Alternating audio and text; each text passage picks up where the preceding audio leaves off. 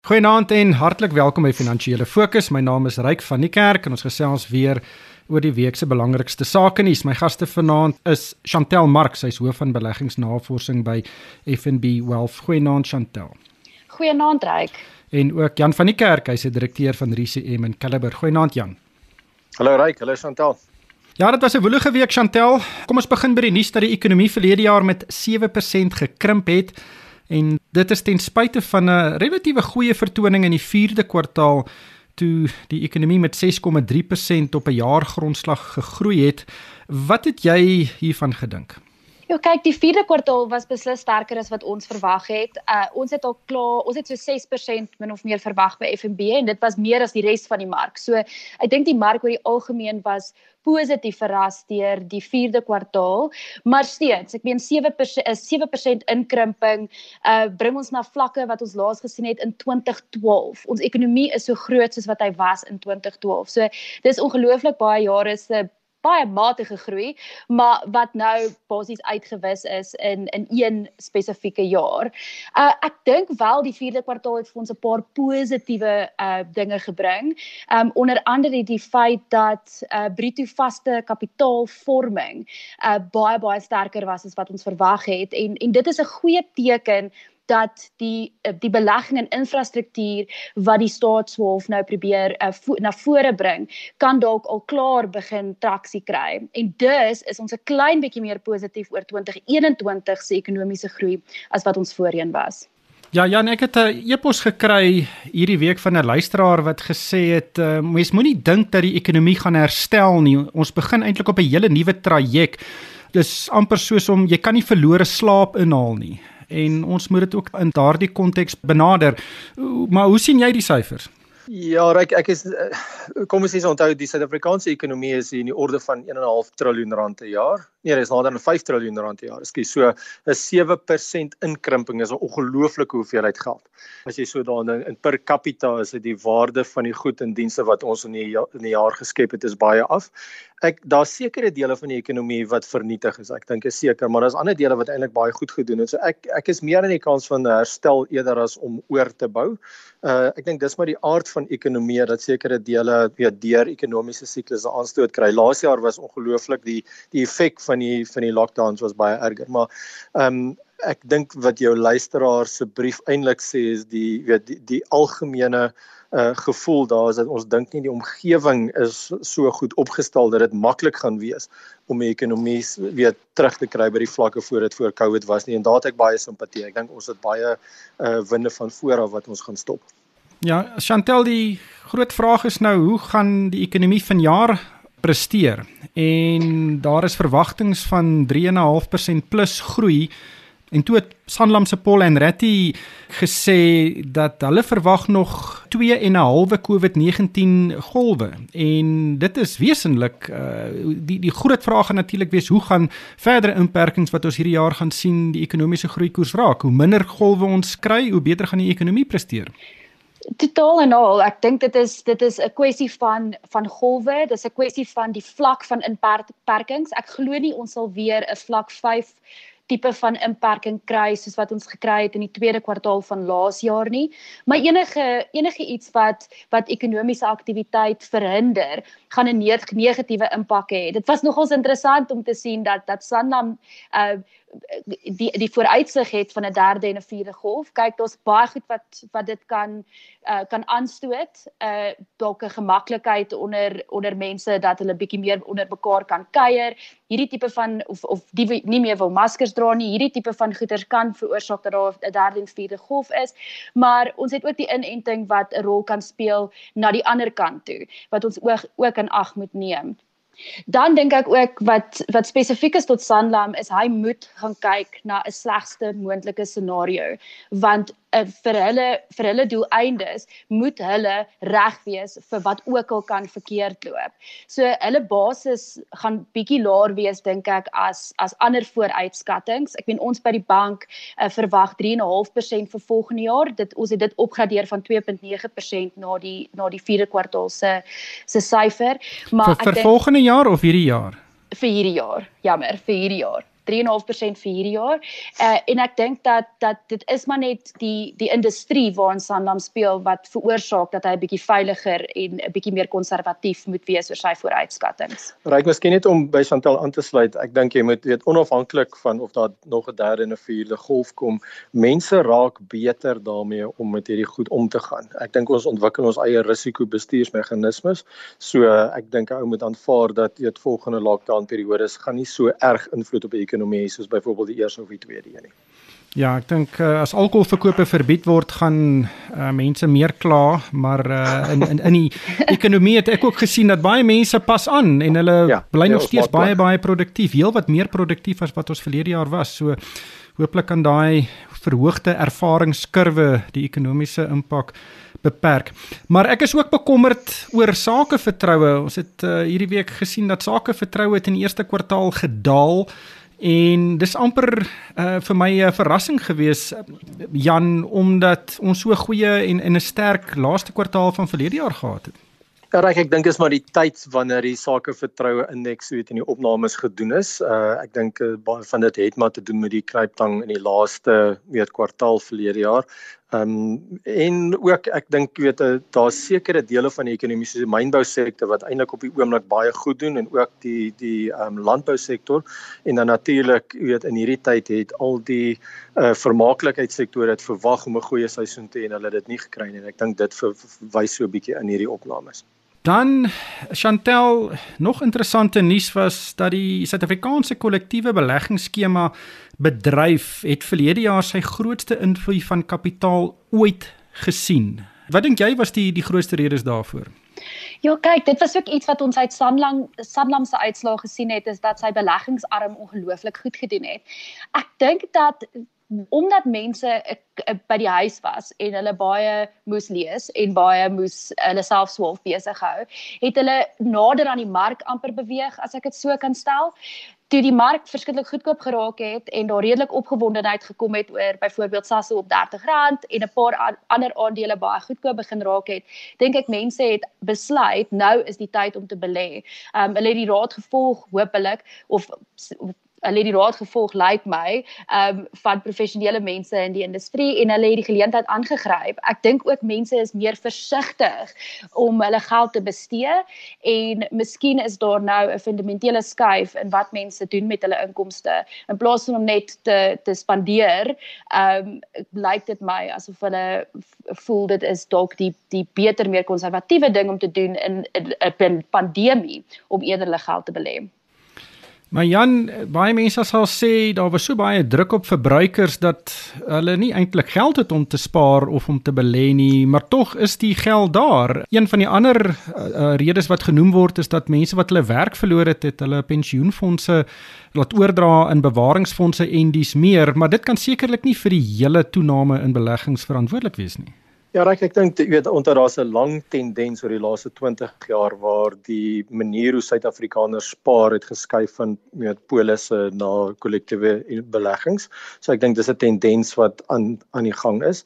Ek dink wat gebeur het is sodra mense onseker is oor die toekoms, dan spandeer hulle bietjie minder en hulle hou meer van hulle kapitaal vir ingeval en ek vermoed daar's daar's van daai geld wat in die kollektiewe beleggings opgeëindig het. Ehm um, so ek lees nie te veel in in hierdie gedrag nie. Ek dink ou moet maar sien of dit volhou.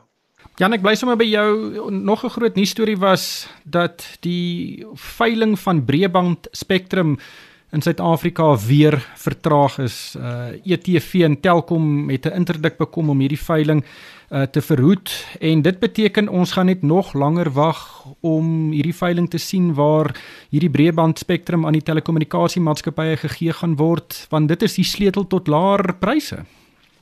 Ja, ja, dis absoluut reg en ek dink uh, mense moet begin wonder oor weet die redes agter al hierdie vertragings. Dis natuurlik dat die partye wat die saak gebring het trek voordeel daaruit dat die situasie bly soos dit op die oomblik is. Ehm um, weet en hulle wil graag hulle eie posisie beskerm.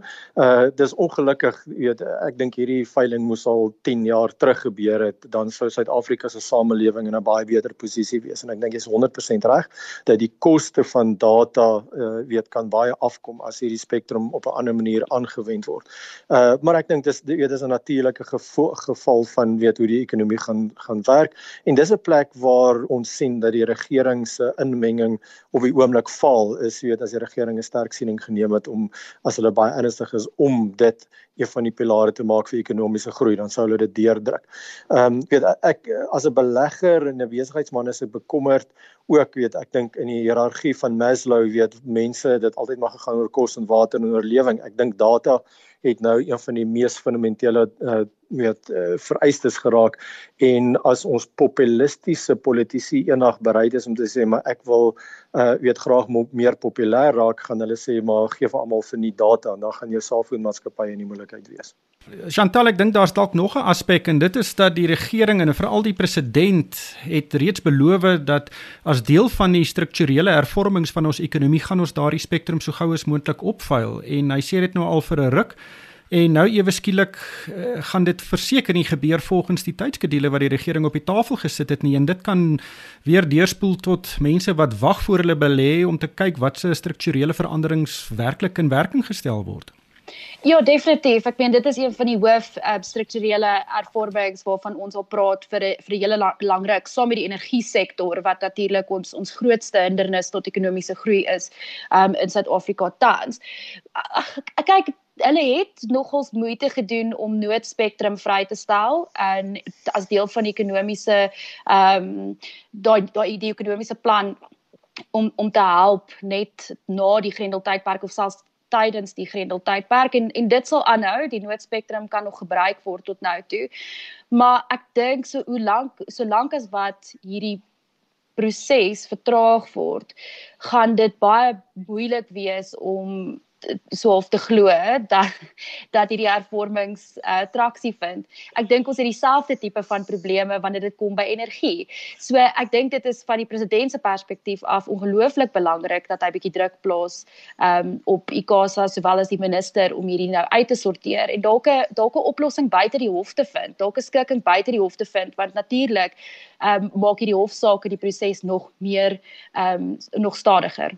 Gepraat van hervormings, Jan, die graderingsagentskap S&P het hierdie week 'n nota oor Suid-Afrika gepubliseer en hulle is baie bekommerd dat die beloftes wat uh, Tito Mboweni tydens sy begroting gemaak het oor uh, staatsbesteding en die groeikurwe of die groeitraject van staatsskuld dalk nie haalbaar is nie. Ek dink baie mense stem saam dat daardie teikens baie ambisieus is. Maar as dit nie gemaak word nie, gaan ons fiskale posisie net baie baie slegter lyk. En dit kan weer eens uh, belegging vertraag. Ja, ek dink reg en is in S&P is reg om hulle kommer daar uit te spreek. Ek uh, ek moet sê Mr. Mboweni het weet sy sy aanpassings was meer realisties as wat ons almal gedink het dit sou wees so ons moet hom krediet gee daarvoor. Ehm um, die ander deel van die begroting was ook die spanderingsgedeelte, jy weet, of en ons het dit al voorheen daar gepraat as hulle dit regkry om die staatssalarisrekening te kan uh in perk oor die volgende 3 jaar gaan dit ook 'n baie groot verskil maak. So ek dink dis die twee goed wat enige belegger gaan nou kyk is of die ekonomie kan groei soos wat hulle dit uh, dink en of ons die besteding onder beheer gaan bring. Uh, ek is meer pessimisties op die staatssalarisse of ons of hy die die geveg daar gaan wen. Ja, die vakbonde Chantel het hierdie week ge geëis 7% verhogings en dis nou maar hulle merk hulle hulle lyn wat hulle in die sand trek en die regering sal werklik moet baie goed onderhandel hier en hulle voet neersit en sê nee, ons kan dit net nie bekostig nie. Dis dalk nog 'n baie belangrike ding wat moet gebeur om vertroue te herstel. Ja, ek dink dit is een van die belangrikste dinge om te gebeur veral van 'n kredietwaardigheidsperspektief af. Ehm uh, daar is nie regtig 'n ander plek waar die staat meningswaardig kan geld spaar nie en die probleem is regtig net dat besteding um te hoog is relatief tot wat ons inkomste is. So dit maak dit bietjie meer gekompliseer dat die die hoof of die grootste vakbond in die land ook half deel is van van die die regerende party. So dit gaan 'n politieke probleem ook raak en ek vermoed dat hierdie situasie of hierdie hierdie hierdie spesifieke probleem gaan dalk in die in die hof opeindig en dit kan dalk lei tot grootskaalse ehm um, onrustigheid onder die onder publieke sektor werkers, stakings ensovoorts en en dit kan dalk ook 'n 'n risiko wees vir ekonomiese groei hierdie jaar. As ons vir vir 2 of 3 maande ehm um, 'n tipe van 'n uh, staking gaan hê of of um, probleme of probleme gaan hê in die staatssektor, kan dit 'n kan dit 'n impak hê vorentoe. Ja, ek dink die ANC gaan 'n baie interessante jaar hê. Daar's reeds uh faksies wat vuisslaan binne die party en as mens nog die vakbonde bysit, as hulle nou ongelukkig raak, kan dit baie interessant raak. Maar uh, dis miskien 'n gesprek vir 'n ander dag. Maar Jan, net laastens 'n uh, baie positiewe storie. Daar's 'n genoteerde maatskappy met die naam van Renergen. Dis 'n baie klein maatskappy en hulle gaan gas soek daar in Virginia in die Vrystaat en hulle het reeds heelwat gas gekry. Hulle wil graag helium daar uit die gas onttrek en toe het hulle nou hierdie week aangekondig hulle het nog 'n gat iewers geboor en nog gas gekry, eintlik baie gas gekry vir die area en dit kan dalk die begin wees van 'n binnelandse gasbedryf uh, en dis nogal in die Vrystaat. Ja, right, die die ouens het al vir jare lank daar weet gas gesoek. So ek dink die, oorsprong van die maatskappy is in die ou dae die goudmaatskappye het daar prospekteer en vir goud gekry en so af en toe het hulle gas raak geboor en dan het hulle maar net sement in die gat gegooi want dit was nie waarna hulle op soek was nie. En ek dink die die die bestuur van Renergen het toevallig op hierdie uh, afgekom en hulle het toe nou die die visie gehad om die besigheid te verander en die grond te koop en dit in 'n in 'n gasbesigheid te verander. Uh weet dis nog baie lang tyd voordat hulle daai gas kommersieel sal kan sal kan ontgin, maar hulle het al bewys dat dit kan gedoen word en ek weet daar sal 'n redelike groot vloot wat met uh weet uh, gekompresseerde of vas weet weet was dit liquid natural gas reeds hulle hulle lorries mee rondry. So uh, ek dink daar's 'n goeie storie daar. Hulle gaan baie kapitaalbelegging nodig hê om dit reg te kry oor die volgende klompe jaar, maar ek weet hulle het reeds finansiering gereël van Chinese en Amerikaanse beleggers. So ek dink Renergen manne doen die regte ding en ek hier's 'n industrie besig om te ontwikkel. Ja, as hulle planne uitwerk, dan sal hulle een van die grootste produsente van helium in die wêreld wees. Dis reg. Ek dink die die helium konsentrasie in hulle gas is so goed dat niemand hulle wou glo vir baie jare nie tot hulle dit moes bewys. Ek dink dit is in die orde van weet 4% van die samestelling. So dis 'n ongelooflike goeie hoeveelheid. Helium is 'n baie moeilike produk om te hanteer. Dit moet baie koud wees en dit uh weet verdwyn redelik vinnig. So hulle het redelike tegniese uh, heuwel om te klim daar, maar ek dink hulle doen die regte ding. Ja, dis skynbaar die skaarste gas en uh, een van die skaarste elemente op die planeet. Ons sal daar moet haltroep. Baie dankie aan Chantel Marx, sy is hoof van beleggingsnavorsing by FNB Wealth en ook Jan van die Kerk. Hy is 'n direkteur van RCM and Caliber. En vir my ryk van die kerk, dankie vir die saamluister en ek koop almal 'n winsgewende week.